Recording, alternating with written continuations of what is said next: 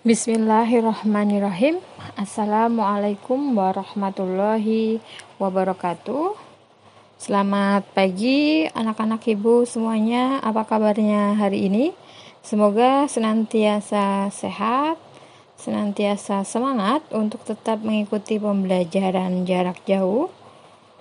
Pada pertemuan kali ini, kita masih melanjutkan materi tentang evaluasi pemberdayaan komunitas berkaitan dengan ragam atau jenis-jenis evaluasi ya. Oke, pada pertemuan ke-12 ini sebelum kita mulai kita berdoa terlebih dahulu dengan membaca basmalah bersama-sama. Bismillahirrahmanirrahim. Mudah-mudahan kita diberikan kemudahan untuk bisa menerima ilmu dan diberikan keberkahan atasnya ya. Amin. Baik.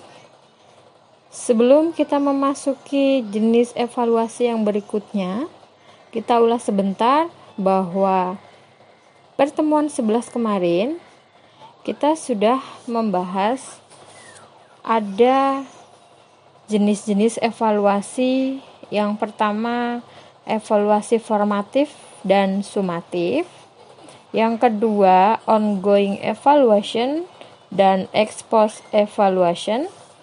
Yang ketiga, ada evaluasi intern dan evaluasi ekstern. Yang keempat, evaluasi teknis dan evaluasi ekonomi ya.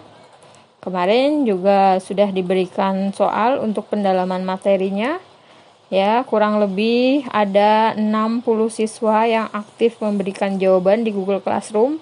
Alhamdulillah semuanya juga jawabannya sesuai ya. Jadi definisi evaluasi itu apa dan yang dimaksud dengan evaluasi formatif sumatif itu apa ya. Semuanya sudah memberikan jawaban terbaiknya dengan baik. Oke sekarang kita lanjutkan Siapkan buku paket kalian ya. Kita masih melanjutkan materi tentang ragam atau jenis-jenis evaluasi selanjutnya. Kita buka paket di halaman 180. Ya. Kita masuk di jenis evaluasi yang kelima. Ya, di sana ada tiga jenis atau tiga ragam ya yang pertama ada evaluasi program, pemantauan program dan evaluasi dampak program. Apa saja maksud dari evaluasi program, pemantauan program dan evaluasi dampak program? Untuk evaluasi program itu sendiri adalah merupakan evaluasi yang dilakukan untuk mengkaji kembali draft atau usulan atau rancangan program ya yang sudah dirumuskan sebelum program itu dilaksanakan. Jadi evaluasi program di sini adalah berupa evaluasi dari sebuah rencana program yang akan dilaksanakan ya. Jadi sebelum pelaksanaan program itu kan kita membuat rancangannya dulu ya. Jadi dari rancangan yang sudah kita buat dievaluasi terlebih dahulu ya sudah sesuai apa belum ya? Kira-kira sudah mengarah dari e, program pemberdayaan itu apa belum ya? Jadi di sini e, dalam evaluasi program itu bertujuan untuk mengkaji kembali apakah ada kendala atau hambatan untuk mencapai tujuan yang diinginkan ya? Sesuai dengan program atau e, pedoman patokan yang sudah diberikan juga dimaksudkan agar semua pihak yang terlibat dalam pelaksanaan program tersebut merasa ikut bertanggung jawab akan keberhasilan program yang sudah dirumuskan ya. Jadi e, dari program pemberdayaan yang akan dilaksanakan itu rancangannya dievaluasi dulu ya agar apa yang diinginkan dari tujuan program pemberdayaan itu bisa tercapai dengan baik dan maksimal ya serta Eh, komponen-komponen dari inisiator pemberdayaan itu juga bertanggung jawab atas keberhasilan dari program yang akan dilaksanakan. Lantas di dalam evaluasi program itu sendiri uh, ada beberapa penekanan penting ya dalam kegiatan evaluasinya berupa apa saja? Yang pertama adalah tentang siapa atau kelompok penerima manfaat program. Jadi e, sasarannya siapa? Kemudian di mana lokasinya dan bagaimana spesifikasi e, kelompok dari penerima e, manfaat program tersebut itu ya. Jadi sasaran dari program pemberdayaan komunitasnya itu siapa? Yang kedua uh, apa metode yang terbaik yang bisa diterapkan demi tercapainya tujuan yang diinginkan. Jadi dalam pelaksanaan program pemberdayaan itu perlu diadakan atau dipakai uh, suatu metode yang sesuai dan tepat yang bisa untuk mencapai tujuan secara maksimal. Yang ketiga, apakah program tersebut benar-benar konsisten ya dengan tujuan yang diinginkan. Jadi apakah programnya itu bisa sesuai ya dengan tujuan yang diinginkan. Jadi sejalan apa tidak. Dan yang keempat, seberapa jauh peluang keberhasilan program yang akan dilaksanakan. Jadi dalam evaluasi program ini perlu diperhatikan komponen-komponen yang sudah disebutkan ini tadi agar tujuan dari pemberdayaan yang ingin dicapai itu bisa maksimal. Itu untuk evaluasi program. Selanjutnya, yang kedua ada pemantauan program. Pemantauan program di sini diartikan sebagai proses pengumpulan informasi ya, data dan fakta dan pengambilan keputusan-keputusan yang terjadi selama proses pelaksanaan program. Jadi kalau evaluasi tadi kita mengevaluasi dulu rancangannya ya, untuk pemantauan program ini selama pemberdayaan komunitas itu berlangsung ya ada pemantauan program di sini ya ada evaluasi selama proses masih berlangsung Hal ini dimaksudkan untuk menghindari terjadinya keadaan-keadaan kritis yang akan mengganggu pelaksanaan program ya. Jadi diharapkan di sini evaluasi yang dilakukan bisa meminimalisir gangguan-gangguan atau hambatan yang muncul selama program pemberdayaan itu berlangsung ya. Jadi dengan demikian program tersebut bisa tetap dilaksanakan seperti yang sudah direncanakan sebelumnya ya pada rancangan e, pemberdayaan komunitas. Kemudian di dalam pemantauan program ini sendiri e, harus bisa menjawab e, inti dari tujuan pemantauan program itu sendiri berkaitan dengan apakah program yang dilaksanakan tersebut itu uh, telah benar dan telah bisa dicapai individu-individu atau kelompok-kelompok yang menjadi dari penerima manfaat program pemberdayaan itu sendiri. Kemudian, apakah program yang sudah dilaksanakan ini atau dalam proses pelaksanaan ini e, sudah memanfaatkan sumber daya yang ada dan memberikan pelayanan serta memperoleh manfaat yang telah direncanakan sebelumnya? Ya, jadi dari masing-masing evaluasi itu diharapkan ada target-target yang harus di, dicapai ya agar pemberdayaan komunitas itu bisa mak maksimal. Untuk lebih lanjut, pemantauan program ini juga menelaah be, beberapa kegiatan pelayanan ya dan penyaluran sarana-sarana yang telah diperlukan e, sesuai dengan e, waktu yang ditentukan ya. Kemudian juga menelaah seberapa jauh pelaksanaan program dapat memberikan manfaat atau kepuasan kepada penerima manfaat seperti yang telah direncanakan sebelumnya ya. Kemudian untuk evaluasi berikutnya adalah evaluasi dampak program. Di evaluasi dampak program ini ya, setelah sebagian besar kegiatan evaluasi sudah dilaksanakan ya baik evaluasi sebelumnya kemudian evaluasi pada proses pelaksanaannya. Nah pada evaluasi dampak program ini adalah evaluasi yang dilakukan atau dilaksanakan pada saat program sudah selesai dilaksanakan ya. Jadi sudah di akhir. Setelah program pemberdayaan selesai ada evaluasi dampak program Jadi di sini eh, mengevaluasi akhir dari suatu kegiatan pemberdayaan ya dan harus mencakup tentang eh, tujuan-tujuan program yang eh, sudah dicapai ya. Kemudian apakah kegiatan yang dilakukan itu sudah memberikan manfaat yang sesuai dari eh, perencanaan pemberdayaan yang sebelumnya, ya itu harapannya. Selanjutnya, untuk ragam evaluasi yang keenam, ada evaluasi proses dan evaluasi hasil ya. Di mana untuk evaluasi proses ini dilakukan untuk mengevaluasi seberapa jauh proses kegiatan yang sudah dilaksanakan ya. Apakah sudah sesuai dengan rancangan program sebelum pemberdayaan itu dilakukan apakah belum. Sedangkan untuk evaluasi hasil itu juga dilakukan untuk mengevaluasi seberapa jauh tujuan-tujuan yang telah direncanakan ya, yang telah bisa dicapai dengan baik pada proses pemberdayaan komunitas itu sendiri ya. Jadi proses itu masih selama pemberdayaan masih berlangsung dan hasil itu ketika sudah selesai ya.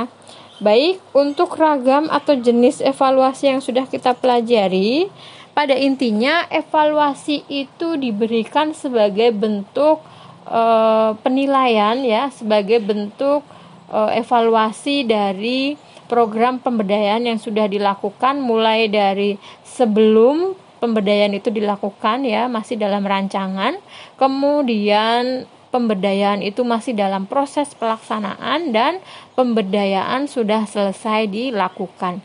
Intinya semuanya sama akan tetapi untuk mengevaluasi pemberdayaan-pemberdayaan komunitas yang ada akan disesuaikan dengan jenis evaluasi mana yang sesuai ya.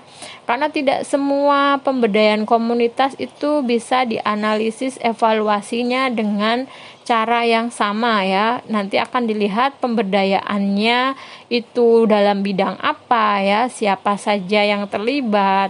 Kemudian e, seperti apa pelaksanaannya ya itu akan akan disesuaikan dengan jenis evaluasi ya. Intinya dari evaluasi 1 sampai 6 itu sama ya tujuannya untuk mengevaluasi pemberdayaan komunitas itu sendiri akan tetapi untuk memilih evaluasi yang mana akan disesuaikan dengan jenis pemberdayaan atau e, pemberdayaan komunitas yang e, dilakukannya apa ya, seperti apa, kemudian bidangnya dalam hal apa ya. Jadi perlu diperhatikannya di situ. Baik.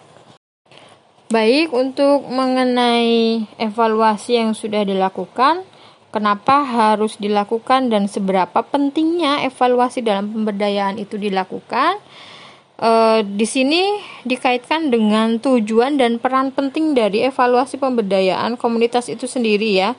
Jadi kenapa evaluasi harus dilakukan ya, bagaimana cara melakukannya ya, seperti apa dan sebagainya itu karena tidak lepas dari ada tujuan dan peran penting evaluasi pemberdayaan itu sendiri ya. Di antaranya tujuan evaluasi pemberdayaan komunitas itu ada menjaga konsistensi kinerja pelaksanaan pemberdayaan. Ya, jadi di sini pemberdayaan memiliki pola yang mengatur kinerja para anggotanya. Kemudian pola tersebut bisa mem, e, berupa prosedur pembagian kerja dan tata tertib untuk mengatur hubungan sosial antar anggota ketika melaksanakan program pemberdayaan. Sehingga melalui kegiatan evaluasi ini, konsistensi kinerja pelaksanaan pemberdayaan dapat terus diawasi dan dinilai. Misalnya ada evaluasi kehadiran atau evaluasi keaktifan anggota dalam kegiatan pemberdayaan.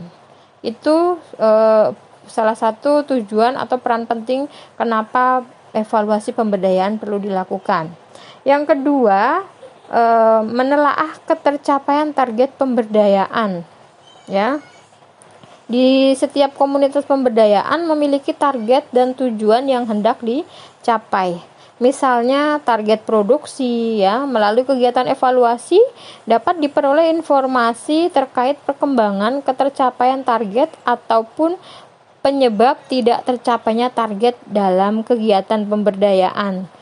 Jadi sehingga ketercapaian target pemberdayaan itu tidak hanya dinilai dalam bentuk kuantitas ya, tetapi juga dilihat dari kuah kualitas. Misalnya menilai ketercapaian peningkatan kesejahteraan, pengetahuan, dan perilaku dari anggota pemberdayaan komunitas itu sendiri.